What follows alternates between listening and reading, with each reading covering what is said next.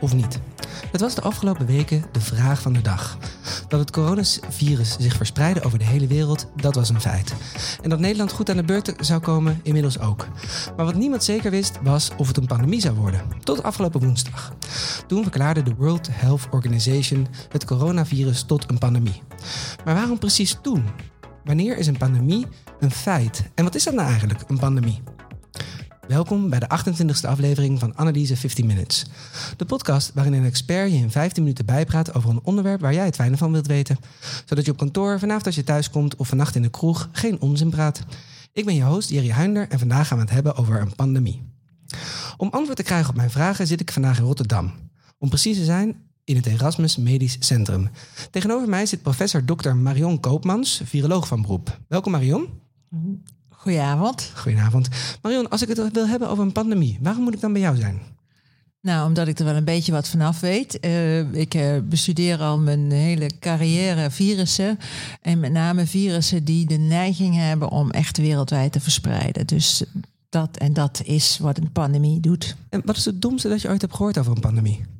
Ja, ik heb niet zoveel domme dingen gehoord, maar misschien het grootste misverstand is dat pandemie altijd betekent dat iets ook dat dat dat uh, mensen hebben filmscenario's in hun hoofd, hè, dat uh, iedereen doodgaat. Dat is niet zo.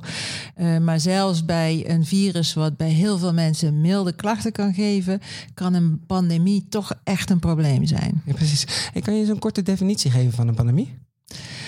Ja, dat is een uh, samengesteld woord van pandemos. En dat betekent heel de bevolking eigenlijk. En dat, dat is, wil eigenlijk zeggen dat de hele wereld last krijgt van, in dit geval, een virus. Um, dus iets wat wereldwijd verspreidt. Dus dat is letterlijk een pandemie. Nou, we hebben, je, je zei het al, uh, gemerkt dat het even heeft geduurd. Is het nou wel een, is het nou niet een? En dat komt omdat je een beetje verschillende smaken hebt. Sommige mensen zeggen, nou, ik zie dat virus inmiddels overal in landen over de hele wereld. Dus dat noem ik een pandemie. Anderen zeggen, ja, het komt wel overal terecht, maar meestal via reizigers en dan hier en daar een geval. Het is niet echt overal even ver verspreid. Dus dat noem ik nog geen pandemie. Nou, die knoop is dus deze week doorgehakt. Uh, door de baas van de Wereldgezondheidsorganisatie. Die heeft gezegd: klaar met die discussie, ik noem het nou een pandemie. Dus nu hebben we een pandemie. Oké, maar dat is dus eigenlijk, dat vond ik het gekke ook eraan toen ik het hoorde.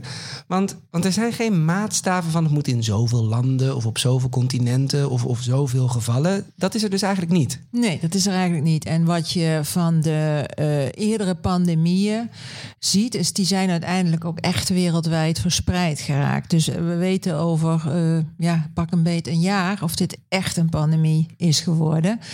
Uh, maar hij doet het natuurlijk niet voor niks. Hè. Hij doet dat om eh, toch wel iedereen wakker te schudden van let op. Dit heeft absoluut uh, de eigenschappen van iets wat een pandemie kan veroorzaken. Ja, precies. Dus het is meer, meer een waarschuwing. Want, want over een jaar weten we pas echt van... heeft het genoeg over de wereld om zich heen gegrepen... om, om echt een pandemie te zijn?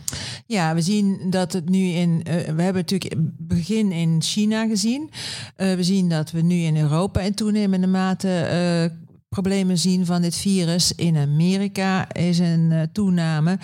Uh, maar er zijn ook nog uh, delen van de wereld, met name in Zuid-Afrika en Zuid-Amerika, waar je nog niet zoveel ziet. de vraag is of dat echt ook niet aan de hand is, hè? of het daar misschien wel gemist wordt. Maar misschien is het ook wel niet. En dan zou het dus nog officieel nog niet een pandemie heten. Nee, precies, duidelijk. Um, ik wil even terug in de tijd. Wanneer hadden we het voor het eerst, en dan niet over coronavirus uh, apart, maar gewoon over het eerst in de geschiedenis over een pandemie? Ja, voor de eerste in de geschiedenis weet ik niet, maar het zeg maar vanaf de tijd van de moderne epidemiologie, dat is de leer over verspreiding van, uh, van allerlei uh, zaken, uh, wordt bijvoorbeeld de pestuitbraak genoemd. Ehm, dan heb je het over, geloof ik, rond 1300.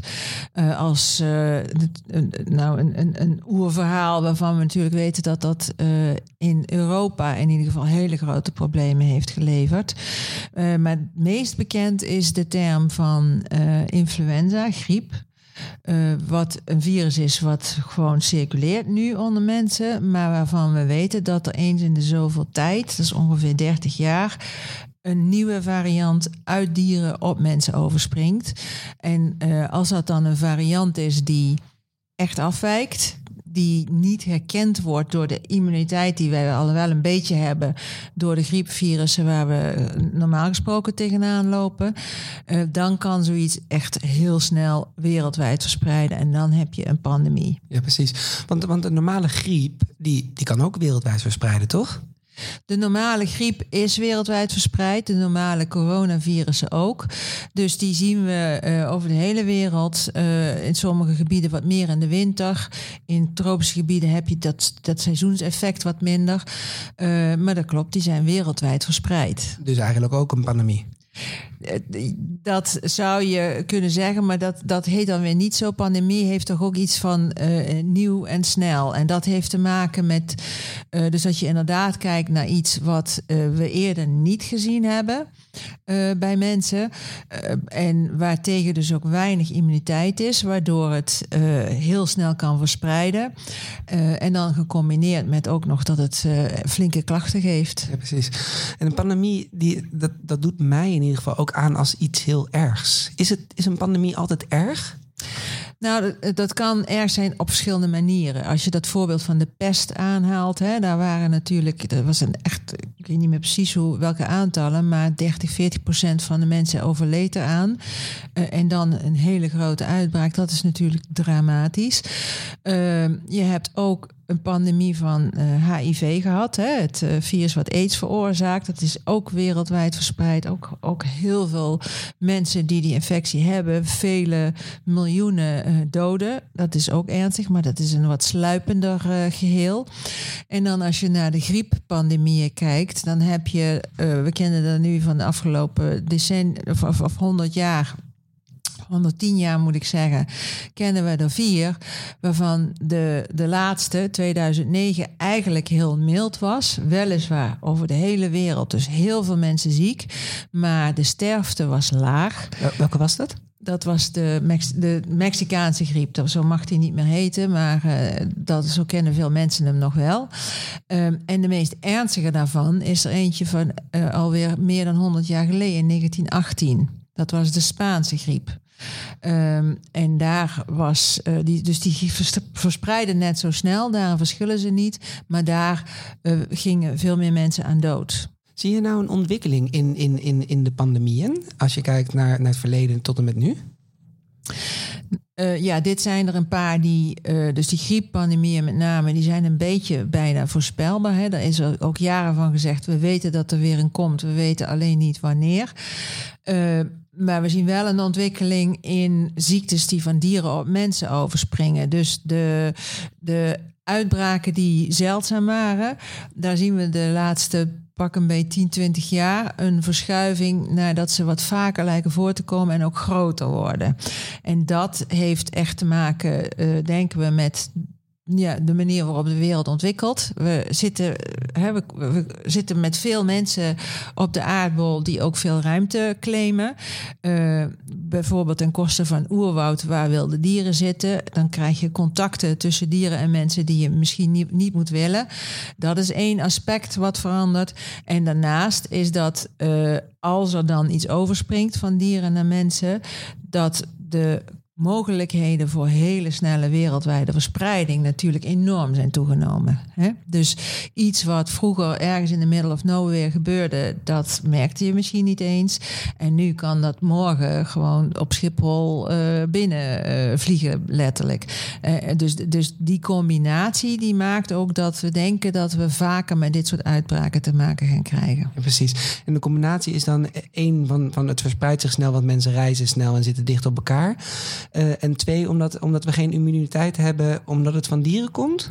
Ja, omdat we dus, dat, dat hebben we gezien van die uitbraken, ongeveer 70% daarvan, die uh, komen uit de dierenwereld. Dus dat zijn infecties die in, de, ja, in dieren eigenlijk niet zoveel uh, klachten veroorzaken, maar die dan, als ze overspringen naar mensen, dat wel kunnen doen. Nou ben ik, nou ben ik een leek en, en jij bent erin gespecialiseerd. Ik, ik, ik vind dat eng, dat het van dieren komt. Is dat ook eng? Nou ja, het is. Uh, kijk, het is een beetje eng natuurlijk. Zeker als je ziet wat er nu gebeurt. Hè. Dat begint toch wel eh, behoorlijk spannend te worden. Uh, maar je moet niet vergeten dat we omgeven zijn door virussen. Ik bedoel, iedereen hier. Ik heb virussen in, in mijn keel, in mijn buik, op mijn huid. Jij ook. Dat heeft iedereen. Dus we hebben ook hele. Gewoon, we zijn eigenlijk omgeven door virussen. En sommige daarvan die kunnen kwaad. Dus uh, we moeten er ook niet te panisch over doen. Maar wat wel belangrijk is, is ja, als je uh, de natuurlijke leefomgeving van wilde dieren, neem bijvoorbeeld vleermuizen of muizen of andersoortige wilde dieren, als je dat verstoort, dan, dan, uh, ja, dan krijg je dus intensiever contact en dat levert problemen op. En daar hebben we echt wel een paar voorbeelden van gezien. Ja, precies. Dus het, het zijn ook wel dingen die we, uh, waar we dus wat beter op moeten letten van hoe kun je dat nou vermijden. En hoe kunnen we dat vermijden? Nou, het is in ieder geval uh, belangrijk om daar natuurlijk van bewust te zijn dat het speelt. En ook uh, in, uh, ik vind het belangrijk dat we in hoe we de maatschappij ontwikkelen, stedenbouw, verdere ontwikkeling, dat we rekening gaan houden dat wij niet alleen zijn. Hè? Dat er ook nog zoiets als belang, ecosystemen zijn die belangrijk zijn. En dat je die dingen eigenlijk in, met elkaar in balans moet willen ontwikkelen. Om de simpele reden dat goed is voor de gezondheid van, van mensen en van uh, dieren. Um, nog even naar de toekomst. Wat gaat de toekomst brengen op het gebied van pandemieën? Um, nou, er is uh, door de Wereldgezondheidsorganisatie gewaarschuwd hè, voor dit soort scenario's. Um, en dat is ook vanwege dat die, die waarneming dat we toch vaker grotere uitbraken zien. Uh, daar is een uh, programma voor ontwikkeld. Dat heet de RD Blueprint. Een beetje een dure term, maar dat gaat erover dat ze zeggen van dit kan zo niet, hier moeten we ons serieus op voorbereiden. Uh, dat is begonnen met het maken van een lijstje van zijn er al ziektes waarvan je zegt, nou als het uit die hoek komt, dan kun je donderop zeggen dat je problemen kunt verwachten. En voor dat lijstje uh, zijn ook uh, programma's om bijvoorbeeld vaccins te ontwikkelen en geneesmiddelen.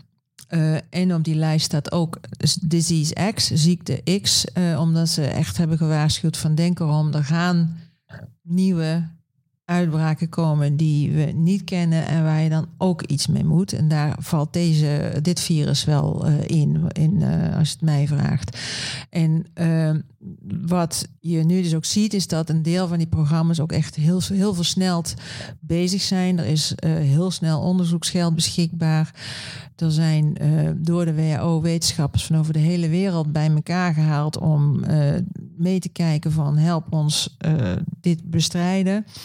Dus dat gaat allemaal heel snel. Maar ja, die virussen zijn nog sneller. Dus, uh... ja. En is het dan misschien een beetje cru om te zeggen, maar is dit dan een goede oefening voor een, een nog veel dodelijker virus wat er misschien ooit wel aan zit te komen? Um, ja, het is een. Uh, uh, het is echt een klassieke pandemie-oefening. Uh, maar ik denk dat het misschien ook gewoon wel een echte klassieke pandemie wordt. Uh, want je ziet alle, alle uh, dingen gebeuren waar we ook wel over nagedacht hebben. Waar ook draaiboeken voor liggen. Wat we ook kennen van de grieppandemieën. Alleen nu dus met weer een heel ander virus. en dat wat er nu bij komt dat ten opzichte van de pandemie bijvoorbeeld van 2009 is dat uh, de economische impact eigenlijk ook wel enorm is. Um, en dat we merken uh, dat er tekorten zijn aan van alles en nog wat, omdat we een, een geglobaliseerde markt hebben. Dus er zijn dingen die in China gemaakt worden, die een tijd lang niet gemaakt konden worden, waardoor er leveringsproblemen zijn. Er zijn dingen die in Noord-Italië gemaakt worden, waar we nu niet gebruik van kunnen maken. Dus je merkt eigenlijk ook wel toch wel een, een extra vorm van kwetsbaarheid. En uh, ik denk dat dat uh, wel echt uh, lessen zullen zijn die we mee moeten nemen voor hoe we het dan daarna gaan organiseren. Duidelijk. Tot slot, als ik vanavond in de kroeg echt slim wil overkomen, wat moet ik dan zeggen over een pandemie? Dan moet je zeggen, ik kom even dag zeggen en ik ga lekker naar huis, want het is niet verstandig dat we hier met z'n allen in de kroeg zitten. Dit was de 28e aflevering van Analyse 15 Minutes. Bedankt voor het luisteren en mocht je een andere aflevering willen horen, ga dan naar iTunes, Spotify of Soundcloud. Je kan je daar ook abonneren op de podcast. Volgende week vrijdag is er weer een nieuwe aflevering. Tot dan!